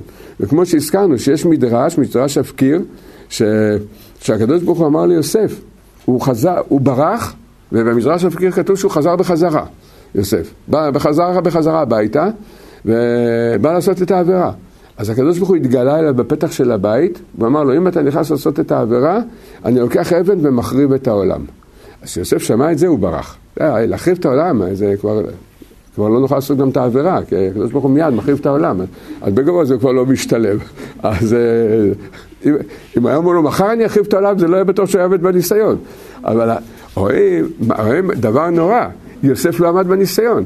אז לא, עכשיו ככה, יש לנו באמת עין טובה ולימוד זכות על יוסף, אנחנו מבינים אותו, זה לא פשוט, בחור צעיר, לבד, כולם בגדו בו, והיה שם את כל הפיתויים שיש בעולם. אנחנו מבינים אותו, אבל למה אתה אומר שביום האחרון הוא צדיק יסוד עולם? תגיד שהוא צדיק יסוד עולם על כל השנה עד היום האחרון, אבל ביום האחרון התעטרה בו מידת היסוד העליונה, דווקא ביום הזה הוא זכה להיות אה, מרכבה ושורש למידת היסוד, לכאורה בדיוק הפוך. הדבר הזה. זה, זה אחד הפירושים, עולם הפוך ראיתי, זה אחד הפירושים האלה. אז אמר לי לפני הרבה שנים, האדמו"ר מפוריסוב, אמר דבר נפלא מאוד. מצד מסירות נפש, כל השנה יוסף עשה את המסירות נפש הכי גדולה בעולם. ביום האחרון הוא ראה, תדע לך, כל מה שהחזקת מעמד, זה כי אני, אני נתתי לך את הכוח להחזיק מעמד. אם אני לא נותן לך את הכוח, מה, אתה רוצה, אתה רוצה לחוות מה זה כשאני לא נותן לך את הסייעתא דשמיא, תראה איך אתה רץ. אתה היית בתוך זה, כמעט עשית את העבירה, ראית את יעקב אבינו, ברחת. כשברחת, כבר לא ראית את יעקב אבינו, כי יעקב אבינו התגלה רק ברעה שהיה לו את הניסיון. איך שיעקב אבינו נעלם, חזר יוסף לעשות את העבירה. זאת אומרת, הצדיק הכי גדול בעולם, במידת היסוד, חזר בחזרה לעשות את העבירה. עד שהקדוש ברוך הוא אמר לו, יוסף, תחליט, מחריבים את העולם או לא מחריבים את העולם? מה טוב, לא, להחריב את העולם, אני לא מחריב את העולם. כי זה גם, בין כה וכה לא נרוויח, כי זה יהיה לפני הזה. אז, אה, אז אין טעם גם זה. אה, פירוש הדבר שלמעשה הקדוש ברוך הוא לימד את יוסף את ה, כל היסוד ש, שפרי הארץ כותב, את, ה, את הבחינה הזאת של אה, שידע באמיתות ליבו ונפשו כי לא מעצמו, אלא מצד עשייתא דשמיא. ואז יוסף יכול להתקשר עם נשמות ישראל באהבה. אבל נשים לב, כל זה היה בשנה הראשונה שהוא נמכר לעבד במצרים. אחרי זה, אחרי שהוא כבר היה צדיק יסוד עולם, עוד 12 שנה הוא היה בבית האסורים. זכורה למה? בשביל מה הוא היה עוד 12 שנה בבית האסורים? תיקן כזה תיקון גדול. והזוהר כותב, הוא כבר עכשיו נקרא מרכבה ליסוד. למה צריך להיות עוד 12 שנה בבית האסורים? איזה תיקון הוא צריך לעשות? אחרי, אחרי כל זה, תיקן את הכל, התברר לו באמיתות ליבו. זה, זה דבר נורא מאוד, העניין של ה-12 שנה האלה. ה-12 שנה האלה זה דבר נורא מאוד. כי ודאי שאם יוסף היה בבית הסורים, יש פה עניין, יש פה עניין רוחני מאוד עמוק. זה לא סתם אה, כזה צדיק יוסף 12, יושב 12 שנה. אבל מה שהוא תיקן ב-12 שנה, שלא יהיה לו שום הקפדה על האחים. זה אומרים שלא להקפיד על השני, זה הרבה יותר קשה מלתקן את הבר... תיקון הברית. תיקון הברית, בשלמות הכי גדולה בעולם, הוא תיקן בשנה אחת. אבל רק אז הוא מתחיל לתקן את ההקפדה על האחר. 12 שנה יוסף צריך לשבת בצמצום ובחושך כזה, בחושך רוחני כזה גדול, והוא יודע, אחים מכרו אותי. האחים שלי מכרו אותי, הייתי במקום הכי קדוש בעולם, אז זה היה, כמו שכתוב בפרשת וישב, אלה תולדות יעקב, יוסף, כל התולדות של יעקב, כל התורה, את הכל הוא נתן ליוסף, ליוסף הצדיק. אז ה, אתם לקחתם אותי מהמקום הכי קדוש בעולם, ומכרתם אותי להיות עבד במקום הכי טמא בעולם. ואני צריך לסבול שאני לא רואה את, את אבא שלי, אני רחוק מקדושה, רחוק מתורה, מכל זה, ו, ולהיות, לשמש את המצרים, ואתם עשיתם לי את כל זה. 12 שנה יוסף צריך לעבוד על נקודת ההקפדה. וכמה יותר קשה לעבוד על נקודת ההקפדה מאשר על נקודת התאווה, הדבר הזה. וכל ה... ה... פה גם כן, באמת איך אפשר לא להקפיד? באמת, באמת, באמת איך אפשר לא להקפיד על, על יוסף בבחינה כזו? יוסף, איך הוא לא מקפיד? רק אחרי 12 שנה שהתברר לו, באמיתות ליבו, הם לא מכרו אותי בכלל. באמת, זה, לא, זה, לא, זה, לא, זה בכלל לא שייך אליהם. הם היו פה בעצם ההלבשה. זה, והקדוש ברוך הוא הרבה, דרכים למקום. כי לא אתם מכרתים, מכרתם אותי. כי אם האלוקים שלחני למחיה, להחיות לכם אה, עם, עם רע ונפש. וכל, הוא אומר להם, אתם לא מכרתם אותי בכלל. אתם, ובאמת באמת זה נכון, באמת הם לא מכרו אותו. זה הכל היה מאת השם, מבחינת נורא עלילה על בני אדם. כתוב, יש חידוש מאוד גדול, בפרשת וישב, כתוב, וישלח, שיעקב שלח אותו, וישלח יעקב את יוסף מעמק חברון שכמה לראות את אחיו, לראות את אחיו באלף, זאת אומרת שיראה אותם. ופשוט שלח אותו, תגיד, לך תראה, הם גרו בחברון וראו את הצאן בשכם. זה דרך של בערך 60 קילומטר. יש דרך זה נקרא דרך על גב ההר. שהולכים מחברון, מגיעים, חוצים את ירושלים. היום זה, קוראים לכביש הזה כביש אה, עוקף רמאללה. זה מירושלים עד שכם. זה, אדם יוצא מזה, מירושלים, זה מגיע, נוסע ישר ישר. הכביש מתעכל, אבל לא צריך לפנות ימינה שמאלה, מגיע עד ליוסף הצדיק. עד לקבר יוסף הצדיק. זה, אז ה, זה, זה נקרא דרך ההר. שמעתי לפני שנים שדרך גב ההר זה דרך של תיקון העולם, והאבות והשבטים הרבו ללכת על הדרך הזאת. והדרך הזאת הלך למעשה יוסף. מחברון, מחברון לשכם זה ללכת צפונה, והלך על הדרך הזאת ולראות את אחיו. אז המאור והשמש, אחד הפירושים העמוקים על התורה, הוא כותב על הפסוק הזה, וישלח את יוסף מעמק חברון שכמה לראות את אחיו, הוא אומר שיש סוד מאוד גדול בפסוק הזה, ויעקב ויוסף ידעו שיש איחוד. יש איחוד, אה, זה איזה סוג של תפילה עם כוונות, עם שמות קדושים, וידע שהם ידעו שיש איחוד, שאם יוסף יעשה את האיחוד הזה בשכם, הוא מביא את כל העולם לתיקון שלו. אבל כדי שיוסף יוכל לראות, אה, לעשות את האיחוד הזה, האחים צריכים להתאחד איתו באהבה. זה, זה, תנאי, ב, זה תנאי באיחוד. יוסף יודע לעשות את האיחוד, אבל צריך את ה... אז אומר המאור בשמש, וישלחהו מעמק חברון שכמה, שכמה זה ראשי תיבות, שברי כלים מעולם התוהו, שזה סוד השבירה, ויוסף ידע את זה. אז, וזה סוד תיקון שברי הכלים מעולם התוהו, זה כל הניצוצות וכל מה שכתוב בספרים הקדושים. ואז הוא היה יכול, אם היו מתאחדים, איתם, מתאחדים איתו באהבה, הוא היה עושה את הבירור הזה. אבל, אומר המאור אומר בשמש, והקדוש ברוך הוא לא רצה שיוסף יעשה את האיחוד הזה. על כן סכסך בין יוסף ובין אחיו. וזה מסביר גם מה שכתוב, שהשבטים שיתפו את השכינה. בהחלטת המכירה, להרוג את יוסף ואחר כך למכור אותו, הם שיתפו את השכינה והסכימה איתם. עכשיו צריך להבין, זה, זה מדרש חז"ל, עכשיו מה זאת אומרת הסכימה איתם? כשחז"ל אומרים שהסכימה איתם, מה הכוונה? הסכימה איתם? כאילו הסכימה איתם, מה, מה בדיוק הכוונה? נדמה להם היה שהסכימה איתם. אבל לפי המאור, רק לפי המאור בשמש זה מובן, מה שהמדרש. כן, השכינה הסכימה איתם, לא רק שהסכימה איתם, הקדוש ברוך הוא הניע אותם לעשות את, את הדבר הזה. והמאור בשמש אומר, ובאמת למה? באמת למה? אומר נורא עלילה על בני אדם. זה, כל, כל הזה זה בחינה של אה, נורא עלילה על בני אדם, הקדוש ברוך הוא ש, אה, אה, שלח את כל זה. יוסף 12 שנה היה צריך לשבת בבית האסורים כדי להשיג את ההשגה הזאתי, נורא עלילה על בני אדם. אז קודם כל, מה יש לי להקפיד עליהם? נורא עלילה על בני אדם. המכירה זה לא קשור אליהם בכלל. אבל פה גם מתעוררת שאלה גדולה, קשה. אם כך, אם, אם כך, אז למה, למה הענישו את השבטים כל כך? אנחנו רואים שתיקון מכירת יוסף זה הולך כל הדורות. אה, מה? זה עשרת הרוגי מלכות, וזה כתוב, כתוב, ראיתי את זה, כתוב בכמה ספרים, שכל כל היהודי שנהרג אה, זה על ידי גוי זה קשור למכירת יוסף, תיקון מכירת יוסף, הדבר הזה. זה הולך איתנו דורות, כמה גזרות, כמה עלילות דם יש על, על עם ישראל, הכל בגלל מכירת יוסף, הנקודה הזאת. אז לכאורה זה לא מובן. אם הקדוש ברוך הוא פעל את כל זה, אז למה יש את כל הדין הקשה? מדוע יש הדין הקשה? באמת, התביעה כנגד האחים היא לא הייתה על עצם המכירה. עצם המכירה הייתה מוכרחת. זה היה מוכרח המציאות. לכן יוסף אין לו שום דבר בלב. הוא אחרי 12 שנה השיג והבין, אלוקים שלחני למחיה להחיות לכם עם רב, כיום הזה. זה לא זה, זה לא, לא, זה לא קשור אליכם. לא הייתי מגיע בצורה כזאת, הייתי מגיע בדרך אחרת, הרבה דרכים למקום. אז, אז על מה היה מידת הדין? מידת הדין הייתה שכשהם מכרו אותו, הם לא הרגישו רחמנות כלפיו.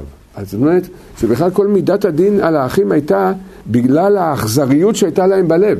על כן כי ראינו בהתחננו אלינו ולא שמענו לו, כמו שכתוב בפרשת אה, מקץ, בפרשת מקץ, שהם נפגשו, והוא עשה להם מה שעשה להם, יוסף, אז הם אמרו, על כן בהתחננו אלינו ולא, ולא שמענו לו. זאת אומרת, שכל הטענה, הטענה כנגד נשמות ישראל זה לא היה, זה לא היה על עצם המכירה, זה היה על המידות, על ההרגשה הפנימית שהייתה להם. על זה שאתם הרגשתם אכזריות בדבר הזה, רוע, מבחינת התעורר מידת הרוע, על זה בעצם כל התיקון של מכירת יוסף, הבחינה הזאת. אז זה, יוסף, שיוסף השיג את זה, שיוסף השיג את הנקודה הזאת אחרי 12 שנה. זאת אנחנו רואים כמה קשה לתקן את המידות הפנימיות, בפרט הנקודה של להקפיד על השני, בפרט שהשני עשה לנו רע. לא שהשני עשה לנו רע, שזה פי 12 יותר קשה מלתקן את הברית, הנקודה הזאת. כי אנחנו אומרים את זה לא בחישוב מתמטי, כמו מעין סברה. אם שנה אחת הוא תיקן את הברית, אחר כך היה 12 שנה צריך לתקן את, ה, את ההקפדה, אז, ה, אז זה בערך פי 12, יותר, יותר קשה לתקן את המידות הפנימיות, ובפרט בפרט מידת הכעס. מידת הכעס והטענה לשני זה הדבר הכי הכי קשה לתקן, הנקודה הזאת. ומיד אנחנו רואים אצל יוסף גם במה זה קשור. מיד זה, במה זה קשור? בבירור של הביטול. מה זה הבירור של הביטול? יש מדרגות מעל מדרגות, זה לא אה, דבר אחד. שהצדיקים המאוד גדולים, הם כל פעם מבטלים את העניין של ההשתדלות שלהם. הם צריכים ללמוד, לחיות עם ההנהגה של הקדוש ברוך הוא, שזה זה, זה, זה נקרא בחינת עין, בחינת ביטול. הקדוש ברוך הוא עכשיו מוביל אותם לפה, אחר כך מוביל אותם לפה, והפעם שמעתי מהרב, אז הוא הזכיר את זה בעניין של אליהו הנביא. אז הוא אמר, אבל הצדיקים הם הופכים את הלב שלהם לבחינת מים. מים זורמים, איפה שהם מזרימים אותם הם זורמים. הם לא, זה, הם לא מתפעלים, פעם לוקחים אותם פה. אז הצדיק כל כך בטל, אבל, אבל להגיע לביטול, לביטול הזה, זה כמובן שזה בירור לא של שנים על גבי שנים, ועד שהצדיק מגיע להשגה שכבר יש לו איסור לעשות השתדלות. השתדלות אצלו זה כבר נקרא, זה מדרגה מאוד מאוד גבוהה כמובן. למשל רבנו ידוע שרבנו, כל מה שאמרו לו לעשות הוא היה עושה. אף פעם הוא לא התנגד. כלומר, אני יודע מה השם אומר לי עכשיו? אז, אז הוא, היה, היה, היה לזה השגה, אנחנו לא מבינים אותה, אבל מה שהיו לרבנו לעשות הוא היה, הוא היה עושה. זה, זה, זה ביטול שלם. אז יוסף, אנחנו רואים שאחרי עשר שנים שהוא היה בבור, הוא אמר לשר המשקים, תזכיר אותי. תז... אמר לו שתי מילים, זכרתני והזכרתני. זה, זה כל מה שהוא אמר לזה, זה אמר לשר המשקים. ו... ועל זה הוא קיבל עוד שנתיים בכלא. על זה שבגלל שהוא אמר את הדבר הזה, הוא היה צריך לשבת עוד שנתיים, כי השנתיים הנוספות זה להגיע לבחינה הזאת, אין, אסור לך להגיד אפילו מילה אחת של השתדלות. זה השלמות כמובן, השלמות. אז אנחנו רואים שהביטול הזה להנהגה של הקדוש ברוך הוא ומידת הכעס הולכים ביחד. בוודאי שהם נבנים על הקומה, על היסוד. היסוד זה תיקון הברית. בלי, בלי זה בוודאי שאין עבודה בזה. אבל אחרי שיש את הבחינה של היסוד, אז נבנית הקומה של, של מידה, ביטול מידת הכעס, והיא תלויה וקשורה מאוד עם הביטול של ההשתדלות, שזה נקרא הבחינה של הביטול. לכן, כשהצדיק מגיע לזה, מגיע למדרגה הזאת, יש לשון בחזון איש, הוא מת, מתהלך בינינו כמלאך, ולא, כמלאך השם צבקות. זה, זה מה שכתוב, אם הרב דומה למלאך השם צבקות, בקש תורה מפיהו. הוא הוא, כבר לא מבחינת בן אדם, הוא, הוא מצדדים, מצדדים מסוימים ודאי שכן, אבל יש בחינה בתוכו שהוא כבר מעל גדר, מעל המציאות של גדר האדם, הכל זה אלוקות, בכל דבר ודבר הוא רואה את האלוקות. עכשיו אם נחשוב לרגע, יוסף 12 שנה היה בבית האסורים. זה, אה, כתוב במדרש שהוא פנה לכמה עורכי דין ידועים במצרים, אף אחד לא רצה להתייחס אליו בכלל. איזה, איזה עורכי דין? שב, מה זה, תגיד תודה שבכלל אתה חי אה, אחרי, אחרי העלילה. אין, אין בכלל עורכי דין, אין, אין ביקורים, אין מי שיבקר אותו. לא, לא רק זה, 12 שנה אין יהודי, אין איזה מישהו מצד הקדושה שהוא בכלל יהיה איתו בקשר עם, עם יוסף. אז כל העבודה הזאת, אחרי 12 שנה, וירצו מן הבור. יום אחד באים אליו בבוקר, אמרו לו, פרעה רוצה לדבר איתך. בשנייה אחת. עד עכשיו, אה, ואיתנו נער עבד עברי, הוא כל הזמן מדבר עליו בביזיון, אה, שר המשקים על יוסף. ברגע אחד מביאים אותו לפני המלך. מה פרעה אומר לו? פרעה אומר ליוסף, שמעתי עליך, איש חכם ונבון, יודע לפתור חלומות. מה, מה יוסף אומר? זה הדיבור הראשון של יוסף שיוצא מבית האסורים. מה, מה, מה, מה יוסף אומר לו בדיבור הראשון? בלעדיי האלוקים יענה שלום פרעה. רש"י אומר, אין החוכמה משלי, זה הכל של הקדוש ברוך הוא. עכשיו, נחשוב רגע קצת על הסיטואציה הזאת. קודם כל, אתה עכשיו היית עבד, אסיר בבית האסורים הכי בזוי, בשנייה אחת הביא אותך לפני המלך, אז היה המלך הכי גדול בעולם, פרעה. אומר, אומר, הוא משבח אותך. מה עכשיו, מה, מה אתה מדבר איתו? מה, הוא, הוא, הוא רוצה לשמוע דיבורים של אמונה? מה זה, שתי ברסלברים שנפגשו ואתה מתחיל לומר לו, תדע לך, הכל זה ביטול, זה, זה הכל, הכל זה סייעתא דשמיא, מה שהשם עושה. כתוב במדרש, שיוסף אמר לפרעה, אם הקדוש ברוך הוא יוצא, ייתן למישהו אחר חוכמה. זה לא משלי החוכמה, זה הכל מהקדוש ברוך הוא החוכמה. מה, זה לא מובן. אתה, מה, עם מי אתה מדבר? אתה מדבר עכשיו עם איזה, עם חבר שאתם בדרך לאומן, או בדרך לשדה להתבודדות, אתה מדבר איתו דיבורים של, של ביטול ושל אמונה? אבל זה, רואים את הגודל האמת של, של יוסף, זה שיוסף יצא מבית האסורים, הוא לא יכול לא לדבר דיבורים של אמונה. לא משנה מי הוא ידבר, הוא ידבר איתו דיבורים של אמונה. עכשיו הוא מול הקליפה הכי גדולה בעולם, והוא אומר לו, אתה חכם, הוא משבח אותו, אתה חכם, אתה נבון, תדע לפתור חלומות. הוא, יוסף לא יכול שלא להגיד לו את הדבר הזה. מצד עצמו הוא לא יכול להגיד, לא. הוא אומר, מה, מה, איזה דמיון אתה, אתה חי? אתה משבח אותי? מה זה שייך לשבח אותי? אתה לא יודע את היסודות הכי גדולים, חוכמה ובינה, זה, זה השפעה אלוקית, הקדוש ברוך הוא נותן, הוא יכול, יכול לתת לכל אחד למי שהוא יוצא. יוסף כבר היה במקום כזה שהוא חייב להגיד את זה לפרעה, הוא חייב להגיד לו את הדיבורים של ה... את הדיבורים הזה, למה? כי בפשטות, כל אחד מאיתנו יחשוב, הוא בצרה והוא עומד עכשיו לפי מישהו שיכול להושיע אותו. אנחנו חושבים על איזה גדר של השתדלות, טבע, משהו, איך לשכנע אותו, איך... זה באופן טבעי. יוסף לא רואה את זה כבר, אחרי כל השנים האלה, יוסף רואה רק את ההנהגה של הקדוש ברוך הוא. אז הוא בכלל לא, לא, לא פונה, לא יכול, הוא לא יכול לדבר בכלל בשפה אחרת. לכן הוא אומר לו ישר, דיבורים של אמונה. יש בזה עוד דבר, זה שמעתי מהאדמו"ר מפוריסוב, שהאדמו"ר מפוריסוב אמר פעם, שהוא אמר, הוא, הוא פתח, אמרתי, שמעתי עליך איש חכם ונבון, אחרי שהוא אמר לו את כל הפתרונות, הוא אמר, אין חכם ונבון כמוך בכל ארץ מצרים. אז, אז, אז, אז האדמו"ר מפוריסוב שאל, עכשיו הוא שאל על פרעה, מה, למה הוא משבח אותו כל כך הרבה? בסדר, בסדר, יודע לפתור לך את החלומות, באמת אה, ישועה גדולה הייתה פה. כמה אתה צריך לשבח אותו? אז הוא אומר, אמר שם דבר נורא. הוא אומר שברגע שהקליפה מרגישה שיש מישהו שהוא מאוד גבוה או שיש לו קדושה גדולה, מיד היא רוצה לינוק מהקדושה הזאת. היא רוצה שהשפע הזה של הקדושה יעבור אליה. איך? באיזה אופן? על ידי שהיא משבחת את, ה... את הצדיק. היא משבחת את הקדושה של הצדיק, ואם הוא נהנה מהשבח הזה, באותו רגע יש יניקה לקליפה מהזה. לכן יוסף חייב לבטל את הדיבורים של פרעה. רב זה, מיד להגיד, בלעדיי האלוקים הנט של פרעה. שלא יהיה לו שום הנאה לקבל מהשבח ש... שמשבחים אותו. כי ה... ה... זה, זה כלל, שהקליפה רואה אה, ש... שיש שורש צדיק מאוד גדול, מיד היא רוצה לנוק ממנו, והדרך שהיא תנק ממנו זה על ידי שתפיל אותו לגאווה. גם היה, מעין המעשה הזה, היה נבוכדנצר ודניאל, שנבוכדנצר חלם חלום על, הפסל הגבוה, הוא לא ידע איך זה, הוא לא, הוא לא ידע מה הפתרון, ותפעם רוחו, אה, הוא היה, הוא היה חסר מאוד מנוחה. ואז דניאל בא ופתר לו את החלום, וכשהוא פתר לו את החלום, נבוכדנצר מיד ראה שזה, שזה חלום אמיתי. מה עשה, מה עשה, פר, מה עשה פרעה? פרעה, אה, כתוב, כתוב בגמרא, וזה גם שמה, מיד רצה, קודם כל הוא השתחווה לדניאל, ורצה להקריב לו קורבנות ולנסח לו נסכים. כולם שואלים את השאלה, נפלת על הראש? מה זה? בסדר, הוא נביא, הוא צדיק, הוא קדוש. מה שייך בהבנה שלך לנסח לו נסכים ולהקריב לו קורבנות לדניאל?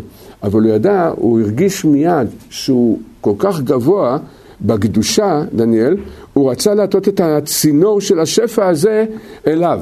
איך? על זה שאני אתבטל אליו.